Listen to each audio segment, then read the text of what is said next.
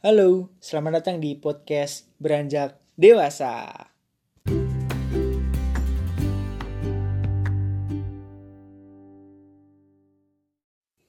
Halo teman-teman, balik lagi bareng gua Diki.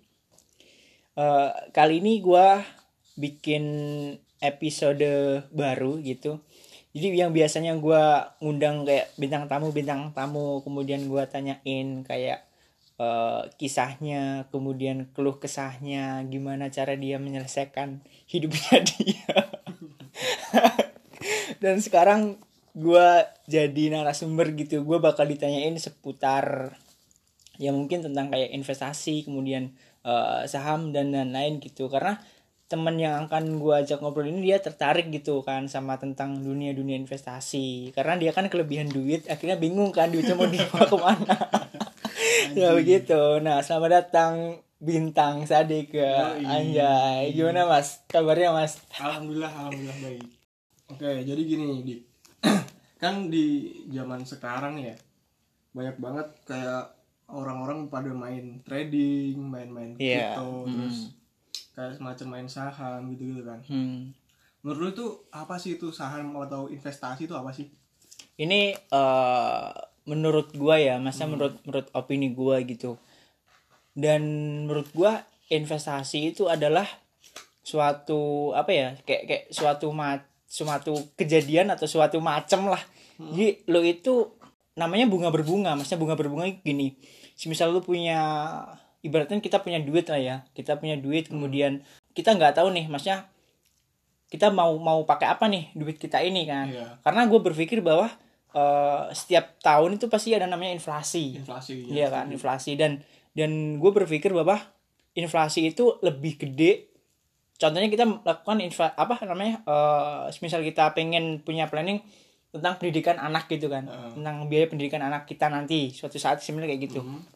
nah inflasi dari pendidikan itu lebih besar daripada pendapatan kita. Ya, jadi inflasi inflasi itu bisa nyampe eh, 10 atau enggak 15 persenan lah per tahun bahkan pendapatan kita itu bisa cuman maksimal 10 persen kalau Berarti kita berhitung-hitung semacam kebutuhan hidup selalu naik gitu. Nah, kan? ah, maksudnya eh, jadi misal lu sekarang punya uang satu juta semisal ya Mhm. satu tahun kemudian kalau nggak dua tahun kemudian pasti nilainya bakal beda nggak mungkin satu satu juta Hmm. gitu nah menurut gua investasi itu ya eh, bunga berbunga artinya bukan bukan masalah riba dan lain-lain ya tapi Iya. lu ini mengalokasikan duit lu ini buat investasi biar biar ada namanya eh, kayak linear sama inflasi itu gitu. Kalau itu kalau gua biar sih duit kita berkembang lah ya. berkembang itu nggak nggak cuman stuck di harga segitu gitu Hmm. loh. Itu menurut gue investasi karena ya mungkin di zaman sekarang perlu banget lah masalah investasi karena ya apa ya ya kalau sekarang kan anak muda sekarang ya kita itu harus kayak ngomongin tentang saham tentang Iya. kayak eh, reksadana gitu lah Iya, masa anak muda sekarang masa judi sih sama tetangga gitu kan Kalau zaman sekarang ada juga yang main ini sih, main slot kayak gitu. Nah. Itu jatuhnya judi kan ya. kalau itu judi Kalau ini investasi. kalau ini investasi soalnya kalau investasi eh contohnya misalnya investasi saham gitu ya Iya. kalau investasi saham itu kan ada barangnya gitu kan misalnya ada emiten Iya. ada emiten yang kemudian lu beli lu punya saham ini punya saham ini jadi kayak eh, ada wujudnya gitu loh misal lu Terus dia beli kalau nggak salah udah dapat eh, kalau nggak salah kayak semacam lisensi dari MUI bukan sih? Iya, jadi eh, kalau untuk itu namanya sebelum kita belajar tentang lebih jauh ada namanya namanya sekuritas. Hmm. Nah, sekuritas itu apa? Jadi sekuritas itu kayak semacam eh, kita ibaratkan gini lah. Bursa Efek Indonesia. Bursa Efek Indonesia itu adalah eh, kayak pelabuhannya gitu lah. Kayak pelabuhannya. Kemudian sekuritas. Sekuritas itu kayak kapal-kapal kecilnya. Hmm. Jadi kalau misal lu pengen nyari ikan, Iya. pengen nyari ikan, pasti kan nggak mungkin eh, apa namanya pelabuhan itu mencari kan. Pasti ada namanya kapal-kapal kecil yang eh, nyari yang ikan. nyari ikan, kemudian dijual ke pelabuhan itu. Nah, jadi sekuritas itu adalah kapal-kapal kecil itu. Hmm. Gitu. Nah, itu semua dari BEI kemudian semua sekuritas ini udah ditetapkan sama MUI dicap halal gitu loh. Maksudnya bukan, tidak bukan judi ya? bukan judi. Bukan kayak slot, Bukan. terus kayak ah, poker 88 gitu kan. Soalnya temen gue ada yang main gituan. Jadi dia emang bener sih, kadang dia menang gitu kan dapat berapa duit, Hmm. dapat apa namanya kayak semacam profit profit gitu lah. Hmm. Cuman suatu saat suatu ketika emang dia ngalamin kayak eh, bener-bener jatuh juga jatuhnya oh. kayak, emang bener dia di awal-awal mungkin profit profit profit profit. Hmm, tapi ujung-ujungnya dia kan kayak ah top up lagi top up lagi kayak gitu kan. Hmm. jatuhnya dia malah rugi sendiri sih. Itu seta, sepengetahuan awam gue ya tentang tentang slot dan lain-lain gitu. Kalau untuk kalau slot investasi kan nggak gitu kan. Enggak masa kalau investasi itu ada namanya kayak eh, laporan keuangan dari perusahaan itu kemudian kayak fundamentalnya dari emiten itu. Setiap kita transaksi pasti ada kayak rekapannya lah ada transaksi kalau untuk di sekuritas-sekuritas apa pun itu pasti setiap kita melakukan transaksi itu pasti ada namanya eh, rekapan. Kalau nggak transkripnya gitu pasti ada. Mm, terus? Kayak gitu. Ya udah kalau untuk semisal eh, kemudian untuk kalau kalau gua kan sekarang pakainya Indo Premier ya. Iya Indo Premier karena itu ya paling bukan ini bukan disponsorin iya bukan Atau sponsorin ya jadi cuman emang eh, trusted aja sih Iya, maksudnya terpercaya gitu lah dan dan untuk Indo Premier ini kan udah diawasi sama OJK juga kan. Iya. Jadi ya ya recommended banget lah kalau misal buat teman-teman yang pengen melakukan investasi saham ataupun reksadana saham tuh ya recommended banget. tapi gitu. selain selain pakai kayak Indo Premier ada apa lagi tuh banyak banget dan setiap Banyak banget eh, setiap perbankan itu pasti ada namanya sekuritasnya. Hmm. Soalnya misal kalau misal lu pakai BCA, BCA sekuritas tuh ada. Kemudian eh, apa namanya? BRI sekuritas ada, Iya. BNI sekuritas ada. Padin sekuritas ada, Permata sekuritas ada. Jadi Iya. semua semua Semua. sekuritas itu pasti ada namanya sekuritasnya. Cuman yang membedakan itu paling di bagian fee-nya atau bagian pajaknya. iya Itu. terus kalau misalkan kalau buat orang awam nih ya Hmm. Kenapa sih kenapa harus investasi gitu Nah, gini nih. Ini kan, kan kalau misalkan mungkin kita anak muda gitu kan masih Hmm, hmm, hmm. ya kita masih eh, jauh ke depan masih panjang lah kenapa kita harus mikirin investasi gitu Karena- Jadi buat orang-orang awam biar pada tahu nih Iya iya. Ini menarik banget sih karena Iya. apa ya? Gak, gue seneng gitu tentang bahas-bahas kayak tentang financial planner dan lain-lain. Kemudian investasi gue seneng gitu kan. Nah, kenapa eh, semisal kita anak muda nih, kita anak muda buat kenapa sih kita harus investasi? Jadi kalau semisal lu nggak investasi sekarang, nanti di masa tua lu lu bakalan rugi. Karena apa ya? Ya ya lu bisa nabung dari sekarang gitu loh dari dari dari masa muda sekarang. Karena lu kan punya planning pasti kan. Lu punya planning yang harus eh, lu tuju. Kalau misal lu nggak investasi sekarang ya mulai dari kapan lagi? Itulah juga investasi itu mudah banget. Mudah banget dan juga gampang gitu loh. Nggak nggak lu harus nggak mengeluarkan duit banyak banget. Jadi lu bisa dengan uang lima puluh ribu kalau nggak seratus ribu lu bisa Udah bisa bisa, investasi. investasi gitu loh. Dan sekarang juga aksesnya lebih mudah dibandingin yang yang yang dahulu-dahulu gitu kan. Hmm. mudah banget gitu loh. Kalau misal emang pengen investasi ya udah belajar investasi gitu kan. Terus terus kayak eh, di mana sih kita bisa investasi? Ka- kalau misalkan kalau lu kan pakainya kayak Indo Premier gitu kan. terus di mana sih biasanya kita bisa investasi selain di Indo Premier nih kalau si misalnya di Premier bisa di kalau kalau sekarang kan gue pakainya kalau gue kan sebenarnya gini nih gue sebelum menjahas apa membahas lebih kayak jauh lagi sebenarnya eh, jenis investasi itu banyak banget Hmm. jadi ada namanya investasi saham kemudian eh, ada reksadana kemudian ada namanya eh, investasi emas Iya, benar. kemudian properti ada namanya valuta asing atau falas. Itu banyak banget sebenarnya investasi. Cuman gue sekarang itu pakainya eh, investasi saham gitu. Karena ini saham saham individual ya ada namanya reksadana saham juga. Jadi sebenarnya kalau untuk pemula itu gue saranin pakai reksadana. Jadi reksadana itu apa? Jadi reksadana itu adalah eh, lu naruh duit lu lu naruh duit lu di reksadana di sekuritas apa pun lah. Hmm. Nah, kemudian duit lu ini bakalan diatur oleh namanya manajer investasi. Keuntungan dari reksa eh iya keuntungan dari reksadana ini adalah ada namanya capital gain. Kalau ini ini bahas masalah saham ya. Iya. Capital gain itu apa? Capital gain itu adalah eh, perbedaan antara harga saham. Semisal lu beli saham Telkom semisal sekarang ya di harga 4.500 per lembar kan sekarang kan. Nah, kemudian besoknya tiba-tiba dia naik jadi 4.600 kan udah kenaikan kan. Nah, itu lo dapat untung dari situ kalau untuk reksadana. Tapi lo harus bayar fee untuk manajer investasi. Nah, kalau untuk reksadana itu pasti bakalan naik terus tapi dikit. Iya. Nah, itu kenapa gue saranin buat pemula yaitu pakainya reksadana.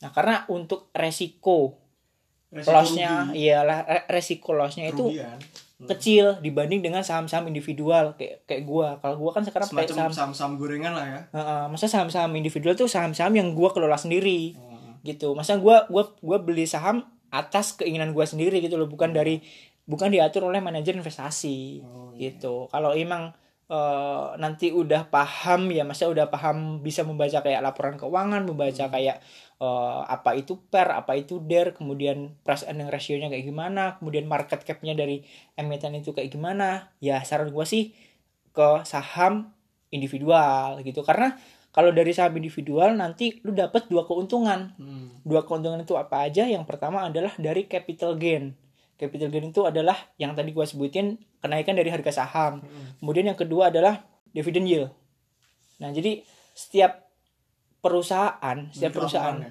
bukan jadi setiap perusahaan itu pasti kan adanya keuntungan kan Iya, benar. nah keuntungan dividend yield itu adalah keuntungan yang akan dibagi oleh para pemegang saham Hmm, iya. Nah, tapi untuk dividen yield ini biasanya dibagi per semester kalau nggak per tahun. Biasanya per tahun tahun, biasanya. ya. Ya Gitu-gitu. Biasanya kayak akhir-akhir tahun. Kemudian itu pasti kan perusahaan kayak membagilah laporan keuangannya. Si misal contoh perusahaan kemarin gue beli PTBA Bukit Hmm, Asam Iya. dan itu dia untuk laporan keuangannya dia naik 170% Hmm. gitu kan. Jadi untuk dari keuntungannya dia itu nanti akan dibagi oleh para pemegang saham Oh gitu. kayak gitu. Terus kalau bahas-bahas tentang investasi lagi nih, lu awalnya kan pasti juga masih awam kan tentang Hmm. Iya. investasi, terus tentang apa itu eh, kayak misal reksadana dan lain-lain. Mm. Lu awal-awal pertama investasi siapa sih yang ngajarin lu Ah, investasi? iya. Terus siapa sih yang kayak jadi patokan lu biar bisa gua harus bisa seperti kayak dia nih kayak gitu. Hmm. Ya kalau kalau dari awal gua kan mulai investasi ben dari sekitar dua tahun yang laluan kayaknya deh. Hmm. Baru-baru sih. Gue juga masih belum expert juga tentang investasi. Tapi udah mulai paham lah ya. Udah paham, bisa membaca laporan keuangan perusahaan juga kayak gimana-gimana. Ya seenggaknya gua paham. Nah Hmm. pertama kali apa namanya eh gua kenal tentang investasi saham Hmm. itu ya dari teman-teman kampus gua sebenarnya sih. Kan dia kan juga main eh, investasi saham juga. Kemudian gua kayak dikompor-komporin gitu. Dan dan sebelumnya pu- punya planning gua gua kenal sih bukan kenal kayak apa namanya eh, kayak membaca-baca kayak artikel gitu. Ada namanya Warren Buffett. Dia adalah investor terkenal di dunia dan dia itu eh, ini ya ngomong gini Orang mana sih itu? yang jelas bukan orang Ciledug ya. bukan bukan dia justru bukan orang Bitung dia orang orang sono lah Hmm. orang Amerika Orang gitu kan ya. Ah, orang jauh banget jauh banget dan ada satu kat, satu kalimat di mana Warren Buffett ini berkata gitu kan Hmm. jadi eh, di dunia ini ada namanya harta karun nah iya harta karunnya itu adalah pasar uang atau pasar modal Hmm. jadi sayang banget kalau semisal ada orang yang tidak mengerti tentang pasar uang. Oh gitu. Padahal ada banyak beribu-ribu triliunan di situ. Jadi apa ya kayak orang itu bakalan nyesel banget kalau semisal nggak ngerti atau nggak paham modal? pasar modal. Pasar modal itu kan banyak kan kayak Iya. investasi dan lain-lain. Hmm. Gitu-gitu. Makanya sayang banget kalau semisal dari teman-teman kayak nggak ngerti gitu loh. Apalagi yang udah punya malah mil- punya duit-duit lebih nih ya. Iya, maksudnya Mau disalurin ke mana nggak tahu. mana maksudnya sebenarnya aduh gampang banget kalau misal lu punya uang lebih misal lu Hmm. lu lu apa namanya lu lu tancapkan di Dikelola ya. dikelola itu ya lu tinggal tiduran doang udah dapat profit gitu loh tiduran juga kali. iyalah ya seenggaknya ngecek laporan keuangannya Iya. gimana ngecek harga saham Hmm. gimana gimana gitu Terus eh, kapan sih kita bisa kayak tahu nih naik turunnya terus mungkin kan kalau misalkan investasi invest- investasi saham nih Hmm. pasti bakalan ada kayak naik turun suatu perusahaan kayak gitu kan. Mm, mm, mm, mm. Gimana sih caranya biar kayak kita tahu nih eh, kapan kita harus beli terus kapan kita harus jual gitu. Nah, eh, ini berarti udah memasuki lebih jauh lagi ya, Mas ya? Cara cara kan juga pengen, menganalisanya. pengen Mhm. nyobain Mhm. investasi nih. Jadi untuk broker namanya broker. Jadi broker itu adalah kayak semacam info-info tentang saham dan lain-lain. Iya, info tentang saham kemudian info-info ya. tentang perusahaan itu kayak eh, dari histori sebelumnya tuh kayak gimana, kemudian harga-harganya kayak gimana. Hmm. Dari beberapa tahun yang lalu tuh ada semua. Hmm. Nah, itu namanya broker. Nah, untuk broker gua sendiri yang gua pakai sekarang adalah RTI Business. Hmm. RTI Business kan kemudian eh, stock Stockbit. itu apa tuh itu ya info-info tentang saham kalau oh, sekarang jadi eh, informasi semua informasi tentang semua jadi yang ada di Indonesia iya ada di Indonesia Hmm. jadi untuk untuk apa namanya dan untuk di RTI bisnis sendiri itu udah muncul apa ya kayak catnya kemudian apa namanya eh, apakah ini worth it buat dibeli atau enggak. Hmm. itu bisa pakai namanya indikator MA oh gitu. Heeh, match indikator cross kayak gitu-gitu. Jadi bisa dianalisa nanti grafiknya. Kita mau beli saham ini apa enggak gitu ya? Mm-mm, jadi di situ banyak banget lah. Jadi eh, apa pun saham semua yang ada saham di Indonesia itu ada semua di RTI bisnis. Jadi gampang banget ininya apa ya? Kayak analitiknya tuh ada semua misal Berarti di saham situ- apa gitu. berarti di situ semua semisal kayak keuangan suatu perusahaan ada semua di ada semua ada semua. Sih misal kemudian ada berita apa di RTI bisnis tuh ada semua. Kayak misalnya gitu. kayak perusahaan Telkom misalnya kayak gitu. Dia lagi gojang ganjing nih perusahaan nih. Ada infonya Ada infonya. ada infonya. Kemudian biasanya ada namanya RUPS hmm. Jadi RUPS itu apa? RUPS itu adalah eh, rapat umum pemegang saham gabungan. Berarti kita kalau misalnya invest di situ kita bisa ikut gitu Ikut. Oh, iya. Nah, kemarin eh gua kan punya sahamnya Tins kan, Timah. oh iya Nah, kemarin gua baru di email katanya tanggal 23 Desember nanti bakalan ada RUPS Hmm. di daerah Hotel Jakarta gitu kan. Biasanya kan kalau untuk yang RUPS kan pemegang-pemegang saham yang udah udah udah Gede eh, banget ya. iya, udah Hah? masa ekspektasinya udah gede banget kan emang soalnya timah lagi kayak gencar-gencarnya iya soalnya kan punya gue juga minus Oh. gitu kan untuk di timah jadi kemarin ada eh, RUPS yang itu disebutin juga di RTI bisnis Hmm. gitu maksudnya banyak banget info-info yang berhubungan dengan saham di broker RTI bisnis Iya. kayak gitu kemudian apa namanya eh, dari dari emiten-emiten apa aja nih yang yang yang hari ini tiba-tiba minus minus tuh udah disebutin semua di situ. Yang naik tuh lagi apa aja.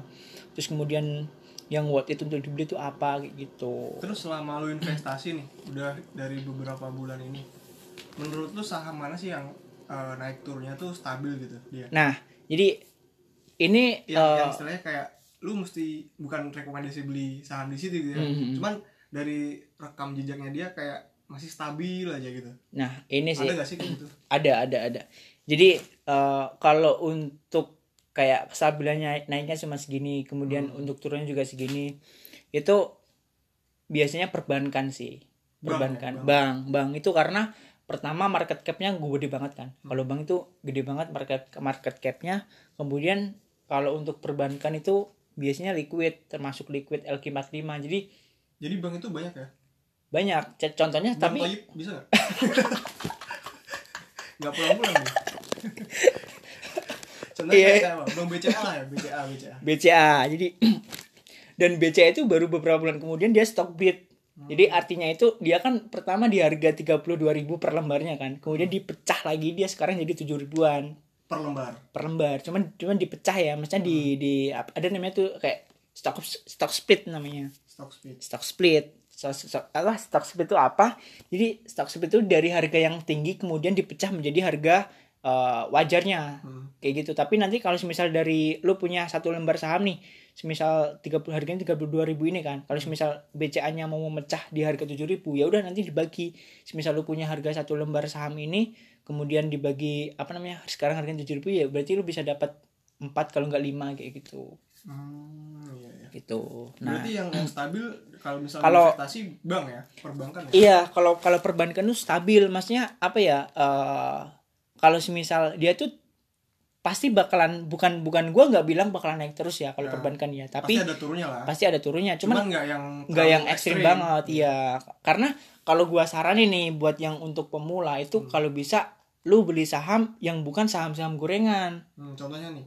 Contohnya- indikasi saham gorengan kayak gimana sih? Nah, kalau untuk indikasi saham gorengan itu biasanya ada market cap-nya itu pas- pasti di bawah satu triliun, Satu T. satu T. Berarti kalau misalkan uh, market cap-nya tuh di bawah satu T, Hmm. mending skip dulu ya. skip dulu karena itu udah apa ya udah terindikasi saham-saham gorengan kemudian untuk dari uh, capital gain-nya masa pergerakan dari grafiknya tiba-tiba sekarang stabil nih Nah, kemudian tiba-tiba langsung naik naik. naik panjang kemudian turun nah itu udah saham-saham gorengan Jadi gitu. resikonya lebih gede. resikonya lebih besar. Kalau si misal kalau saham-saham gorengan kan ada bandarnya kan biasanya bandar-bandar lokal kan. Hmm. kalau orang-orang bandar-bandar lokal itu biasanya maruk-maruk coy. Oh gitu. Masih iya masa dia apa ya? ngebit jadi gimana? jadi apa namanya eh dia itu tiba-tiba apa ya tiba-tiba kayak samutnya dia gitu loh. Tiba-tiba dia kalau misalnya emang lagi naik ya udah naik parah gitu kan. Eh, naik parah kemudian kalau emang lagi turun ya ya turun-turun parah gitu. Oh gitu. gitu. Jadi pokoknya untuk yang buat-buat pemula yang buat-buat pengen investasi saham pokoknya jangan sampai beli yang saham-saham gorengan. Gorengan. pokoknya market cap market capnya itu biaya ya ke- masih kecil lah. Market capnya ke- kecil kemudian apa namanya kan kita bisa eh, ngeliat tuh ya eh, ada, kalau di- perusahaannya ha-ha, terus ha-ha. market capnya terus. mm-mm. nah kita eh, nyarinya tuh yang di apa di atas satu t. Kalau kalau gua nyaranin bukan di atas 1 T tapi lebih dari 10 triliun lah paling enggak 10 t? Iya. Oh karena pokoknya ya ya semakin gede market cap itu pasti nggak bakalan rugi perusahaan itu nggak bakalan turun pun nggak bakalan sampai rugi gitu ya Iya, maksudnya nggak nggak bakalan sampai bangkrut gitu loh. Kalau Hmm. semisal perusahaan itu bangkrut kan kita semisal punya saham itu nggak Hmm. bisa dijual. iya hangus kan Iya, mas bukan hangus, Bukan masih ada, cuman nggak bisa dijual. terus Ya udah, berarti juga itu tetap di situ terus. tetap di situ terus Heeh. berarti nggak bisa Nah, resikonya saham gorengan diambil gitu, nggak bisa diambil. Nggak bisa diambil Soalnya kan nggak bisa dijual. oh soalnya dia Gitu. udah bangkrut sih ya Ah, udah bangkrut. Nah, ada namanya eh, saham CPRO. CPRO dia itu dari tahun 2017 sampai 2021 itu apa tuh belum CPR itu apa tuh CPRO ini adalah eh, sentra pertanian prima. Jadi ini tuh termasuk bidang apa tuh saham-saham di apa namanya bagian apa namanya food and beverage gitu loh, Hmm, kayak makanan, gitu kan. Nah, nah, jadi ini kayak eh, perusahaan dari Hong Kong gitu kan, tapi ini di Indonesia gitu kan. Nah, dulu pas tahun 2017 sampai 2021 sekitar dua bulan yang lalu, Hmm. dia tuh stuck di harga 50 perak per sahamnya per saham per saham. Kemudian 50 ada perak 50 perak. Itu dia kayaknya udah mau mau bangkrut gitu Ah. kan. Udah udah mau bangkrut. Nah, kemudian dia dapat eh, investor asing masuk, suntikan dana suntikan dana. Akhirnya sekarang dia lagi naik. tapi itu termasuk saham gorengan nggak Kalau itu menurut gua pertamanya kalau kalau gua sih mengiranya apa ya kayak second liner gitu lah. nah, Bukan bukan saham gorengan sih, kayak kayak ya apa ya kayak second liner cuman bukan liquid. Kalau liquid tuh kayak yang BCA, BRI, kemudian apa namanya Unilever, Telkom, Bukit Asam, kayak gitu-gitu. Nah, itu saham-saham liquid kalau gua saranin buat pemula sih kalau bisa yang masuk di LQ45. LQ45 itu apa? Hmm. Jadi LQ45 itu adalah saham-saham yang yang fundamentalnya bagus dan laporan keuangannya bagus dan kemungkinan besar nggak bakalan rugi, nggak bakal bakal, bangkrut. bangkrut. Hmm. Ya contohnya kayak gitu di apa namanya? Kalau misal perbankan ada di BCA, BRI, BNI, BMRI, Mandiri. Terus kemudian kalau untuk kemudian Telkom kayak gitu Unilever, Iya. terus kemudian apa United Tractor, Astra, itu nggak bakalan bangkrut. jadi perusahaan yang udah kelihatan gede ini maksudnya kayak Mm-mm. gitu ya Mm-mm. Cuman ya mungkin harganya emang lumayan, ya. Lumayan. Eh, cuman ya kalau gue menyarankan sih kayak gitu karena resikonya kecil kalau Resikonya misalnya kecil. eh, daripada kita Gitu. nanam saham di uh, perusahaan misalkan kayak yang masih di bawah 10 t Hmm. rawan banget buat bangkrut kan mm-mm. mending kita nyari amannya aja sih nyari aman ya itu sih kalau kalau saran gua maksudnya Hmm. gitu ya buat buat teman-teman yang pengen investasi pokoknya jangan sampai terjebak di saham-saham gorengan emang harganya lebih murah cuman ya resikonya emang lebih besar gede ya. Terus- Heeh, kayak gitu Iya. Terus kayak gimana sih caranya biar kita itu nggak kejebak apa nggak kejebak di saham yang gorengan tadi kan Mm-mm. terus gimana sih kalau misalkan kita terlanjur beli nih Hmm. terlanjur beli di saham Hmm. gorengan kan Hmm. misalnya sekarang ada lagi nih apa kayak teman-teman podcast kita yang dengerin sekarang mungkin lagi uh, investasi juga pemula-pemula juga Iya. terus dia terlanjur beli saham di saham yang mungkin gorengan lah bisa dikatakan Mm-mm. itu gimana sih cara biar dia bisa kayak uh, mengurangi resiko kerugiannya lah. Kalau kalau saran dari gua sih yang pertama lu belajar lah. Belajar Hmm. tentang membaca tentang laporan keuangan perusahaan. Nah, berarti contohnya ya. Jangan asal beli aja. Jangan langsung beli. Jadi jangan asal langsung spekulasi. Jangan. Hmm. soalnya gue juga pernah. Gue waktu awal-awal dulu. waktu awal-awal gue gue pernah beli apa namanya ya? Ya adalah suatu suatu saham gue gak mau nyebutin. Dan gue main spekulasi. Gue gak main membaca laporan keuangan enggak dan akhirnya apa? Tiba-tiba langsung Bangkrut. turun. Bangkrut tapi tapi bangkrut. belum gak gak bangkrut sih. Cuman tiba-tiba kayak kayak apa namanya gue nggak membaca laporan keuangan gue nggak membaca tentang info-info perusahaannya. Kemudian tiba-tiba ternyata eh, perusahaan ini tuh dia lagi keuangannya lagi minus karena dia bakal untuk eh, oh duitnya duitnya hasil dari dari dari perusahaan ini dia untuk membayar hutang. Oh. Jadi perusahaannya minus kemudian harga sahamnya minus cuman belum sampai bangkrut tapi duit lu bisa diambil nggak bisa taman ya minus Oh. cuman kan minus waktu minus itu minus misalnya minus. lu investasi katakanlah satu juta nih misalnya Mm-mm. berarti itu minus jadi berapa ratus ribu Iya, karena harga dari sahamnya kan turun kan. Kemudian kayak kayak apa namanya? Gua belajar sedikit-dikit gitu kan tentang membaca laporan keuangan. Nah, terus tiba-tiba eh gua tahu kalau ada berita gitu pasti bakal turun terus. Akhirnya gua sell, gua namanya cut loss. Hmm. Gua cut walaupun loss gitu loh. Ya udah minus minus Dilepas pun rugi gitu ya? meskipun rugi kalau misalnya gua nambah rugi. lanjutin bakal rugi terus Anjlok terus ya? Anjlok terus kayak gitu nah makanya ya paling enggak eh, lu bisa lah kayak membaca laporan keuangan Hmm. contohnya ya contohnya semisal kayak yang ini aja lah yang yang harus yang harus dimengerti lah gitu pertama lu harus bisa membaca tentang market cap. Di situ kan ada tuh yang di RTI bisnis kalau kalau semisal lu buka RTI bisnis Hmm. kemudian lu buka set emiten apalah perusahaan apa gitu kan. Contoh semisal Bukit Asam kan. Ya itu kan eh, market capnya kan gede kayak gitu gitu kan. Contoh yang simpel aja lah BBCA lah. BBCA hmm. BBCA ini kan market capnya kan 909 triliun kan. Ini nggak mungkin bangkrut BCA tuh 909. nggak mungkin bangkrut ya ini maksudnya. Udah ya. di atas apa spekulasi kita buat Ya, jadi- invest di situ ya Hmm, pertama market cap, kemudian kalau misal lo udah tahu nih, wah ini pasti bak- perusahaan nggak bakal bangkrut nih, karena emang fundamentalnya bagus gitu kan, laporan keuangannya bagus. Nah kemudian lo bisa menilai ini harganya rendah atau enggak harganya ini harganya tinggi. Ada namanya di PER. PER itu apa? PER itu adalah eh, price earning ratio. Jadi harga wajar tuh ada. Kalau di RT bisnis tuh udah ada kelihatan. Udah ada ya. Jadi kalau misal gua saranin lo pengen beli lihat dulu di market capnya. Kalau masih di bawah 10 10 kali. Hmm. 10 kali. Itu harganya masih eh, masih wajar lah gitu lah tapi kalau udah nyampe 50 kemudian nyampe ratusan itu udah harga nggak wajar. Itu harga udah harga harga tinggi. Oh gitu. Ya eh. terus Gitu. efeknya kalau misalnya kita ambil itu gimana? Ya kalau semisal kita eh, efeknya ngambil itu ya contoh lah. Semisal kemarin gua habis beli tins karena gua membaca karena eh, harga timah lagi naik Hmm. harga timah lagi naik kemudian kok tiba-tiba harga sahamnya nggak malah nggak naik? Iya. Gitu ternyata untuk investor asing itu malah nggak masuk. Oh. Gitu. Jadi tetap walaupun nggak ada investor masuk tiba-tiba harganya masih tetap stabil itu dan bahkan bisa turun. Padahal harga nikel harga timah lagi naik. itu lagi naik. Kayak gitu.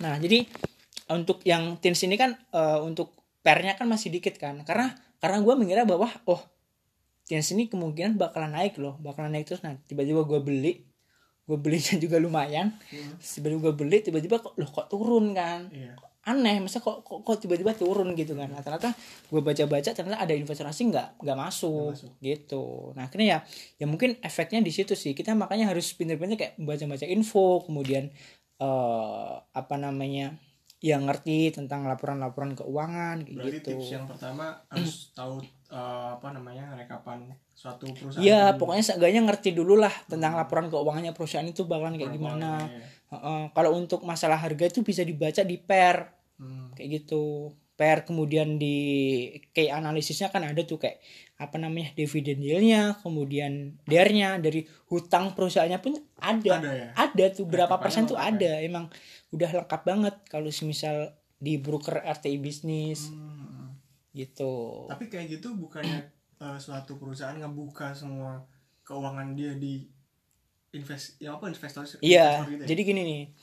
eh, kalau semua perusahaan yang udah masuk TBK ya, maksudnya udah masuk di Bursa Efek Indonesia itu kan pasti kan lapor keuangan pasti harus di share kan, oh gitu gitu. Jadi harus nggak boleh nggak nggak di share karena supaya biar investor tahu nih mm, biar biar para investor tuh tahu laporan keuangan tuh ini kayak gimana gimana walaupun minus ngeplus tuh bakalan di share terus. gitu. Kayak gitu. Contoh Timah kemarin dia minus, minus Hmm. kemudian dia apa namanya ya ya dia nge-share gitu loh. Oke oke jadi eh, selagi kita masih muda nih selagi kita masih muda terus mungkin kita udah dapat penghasilan di suatu pekerjaan kita entah itu Hmm. usaha entah itu kita jadi budak korporat gitu kan.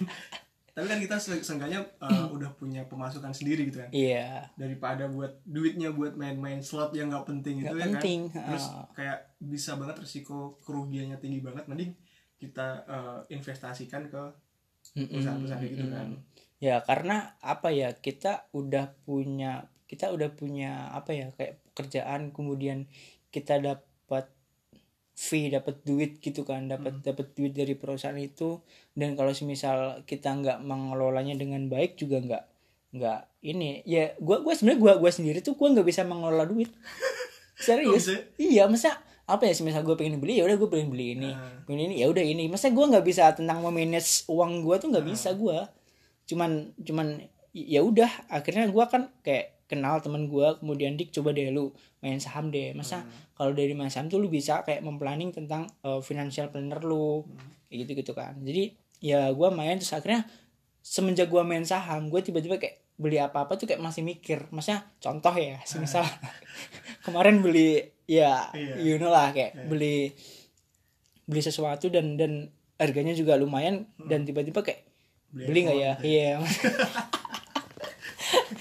Beli nggak ya? Cuman kayak kayak aduh kalau semisal gue beli mending gue beliin saham ini deh. Soalnya nanti pasti berarti lebih lebih lebih penting ke saham ya? Sebenarnya gue karena apa? Gue sebenarnya di ATM gue tuh nggak ada saldonya coy. Lu tahu sendiri se- lah. semuanya di saham semua. Semua gue di saham. Full all in gue di saham iya sih gitu sih bener-bener. gue sekali minus ya udah minus jauh gitu loh. Tapi sekali minus ya udah alhamdulillah. Gitu. Ya gue pernah ya. Ya ini kita bicara pahit-pahitnya lah. Gue gue gak mau bicara nominal sih tapi kan dibilang gimana gitu ya. Jadi gue pernah gue gue pernah ya bener-bener kayak lagi ancur-ancur banget. Hmm. Hancur apa nih? mau ya everything lah gue lagi ada masalah tentang Percintaan. percintaan. Gue ada masalah tentang pekerjaan gue terus gue ada Iya. masalah di skripsi gue tiba-tiba saham gue loss. Gak tau pengen bentrok ya. iya maksudnya anjir maksudnya kenapa barengan gitu loh gue bisa nih menyelesaikan semuanya cuman harus satu persatu. Yang mana dulu nih? yang mana dulu? Gue harus memprioritaskan yang mana dulu yang harus gue selesaikan. Dan tiba-tiba saham gue loss sampai berapa persen? 10 persen lebih. Dan itu anjir ngelos loh. Kaget gue masa gue baru ya selama gue main baru pertama kali ini tiba-tiba kayak lossnya banyak banget gitu loh. Nyampe nggak nyangka gue biasanya gue apa ya kayak kayak ya analisa gue nggak melenceng lah. Tapi kok tiba-tiba ini Los. loss gitu kan. Nah, Nah akhirnya ya ya udah karena gua gua tahu ada di akhir Desember itu namanya kalau untuk di saham ya ada namanya window dressing. apa tuh? Window dressing itu apa? Jadi window dressing itu adalah semua perusahaan eh, mengeluarkan laporan keuangannya dia dan kemudian itu harganya pasti bakal naik Pasti di akhir tahun pasti nggak mungkin nggak akhir tahun sampai awal tahun. Kemudian pertengahan pertengahan awal tahun pertengahan awal awal tahun itu pa- pasti bakalan turun lagi. Ada yang namanya event window dressing. Kalau misal perusahaan itu namanya bonusan gitu lah. Berarti investor apa dapat profit juga dong? dapat kan? pasti dapat makanya gua gua kayak nggak kaget wah minus segini banyaknya gitu kan cuman Tapi ah, ya nggak tenang apa-apa lah, ya tenang lah gue masih ntar akhir bulan pasti bakalan profit Hmm. gitu gitu kan nah cuman ya ya karena gua all in kan Heeh. di saham semua jadi Berarti, berarti sekarang sahammu ada berapa nih? Ada berapa yang udah di invest? gua sekarang punya Alhamdulillah. 12 emiten. Lumayan lah ya. lumayan lah 12 emiten. Jadi 12 perusahaan yang gua pegang gitu kan. Ya ya ada lah ya gitulah. Iya, iya. gue nggak menyebutkan gitu Bener, aja bener, gitulah. Berarti emang eh, menurut gue sih emang di era sekarang nih apalagi eh, semakin maju kayak teknologi Hmm. segala, segala macam informasi bisa masuk. Anak-anak muda sekarang sih kayaknya memang perlu banget sih investasi sih. perlu banget Iya. karena karena yang menurut gue yang harus ditancapkan sama anak-anak muda Mindsetnya. ya. iya mindsetnya sekarang itu adalah lu di gedenya nanti kalau bisa lu jangan bekerja untuk uang tapi uanglah yang bekerja buat lu Anjay. gitu coy masa by Diki. watch kayak gitu maksudnya apa ya gue gue kayak menyayangkan yang yang yang sekarang anak muda gitu ya tiba-tiba kayak masih main-main gitu loh masih Wah. anjir kayak membuang-buang duitnya dia buat main ke Holy Wings atau apa. Ya mungkin dia kebanyakan duit bingung mau ngapain. Iya. ya. Udah investasi aja. gitu. anjir masa kenapa harus ke Holy Wings Kan bisa open BO. Anjir, sama aja buang duit. ya karena sebenarnya gampang banget gitu loh duit lo itu bisa bisa profit gitu loh bisa bisa lo iniin. Jadi aduh kok sayang banget gitu loh kalau misalnya nggak diiniin gitu. Iya. Terus ya mungkin eh, segitu aja sih kayak pengetahuan tentang investasi saham segala macem. Ya mungkin dari teman-teman yang ngedengerin podcast kita kali ini buat pemula-pemula atau mungkin yang baru terjun di dunia investasi bisa sedikit apa ya mempertimbangkan lah tips-tips dari eh, teman gue ini. Yang udah yang udah sedikit paham lah dia. Si paham si paham investasi gitu kan. Ya kita namanya bukan menggurui lah. Di sini kita bukan menggurui sama-sama sharing. Iya. Ya kalau berbagi pengalaman lah. Siapa tahu bermanfaat juga buat teman-teman semua yang ngedengerin sekarang. Ya mudah-mudahan ke depannya eh, kita bisa ngelola keuangan kita sendiri jadi lebih baik lagi lah. Kalau buat misalkan hura-hura bisa kapan aja coy. Iya masa lo lo bisa berpikir kayak dua kali lah. Sebenarnya Hmm. duit gua kalau misal gua pakai hura-hura ada yang gua alokali alo, alokasikan ke yang lain Iya, gitu. Siap. Berarti eh, kita itu bisa kayak memanage mana yang harus dipakai buat eh, seneng-seneng jalan-jalan investasi buat ini itu segala macam. Jadi kita bisa nge-planning semua eh, hasil dari jerih payah kita sendiri lah. Jadi kayak gitu aja sih mungkin eh, yang bisa kita sampaikan Em, see you next time kurang lebihnya sorry kalau ada kata-kata yang mungkin kurang tepat. Eh, see you in the next podcast. Anjay. Goodbye. Goodbye. Makasih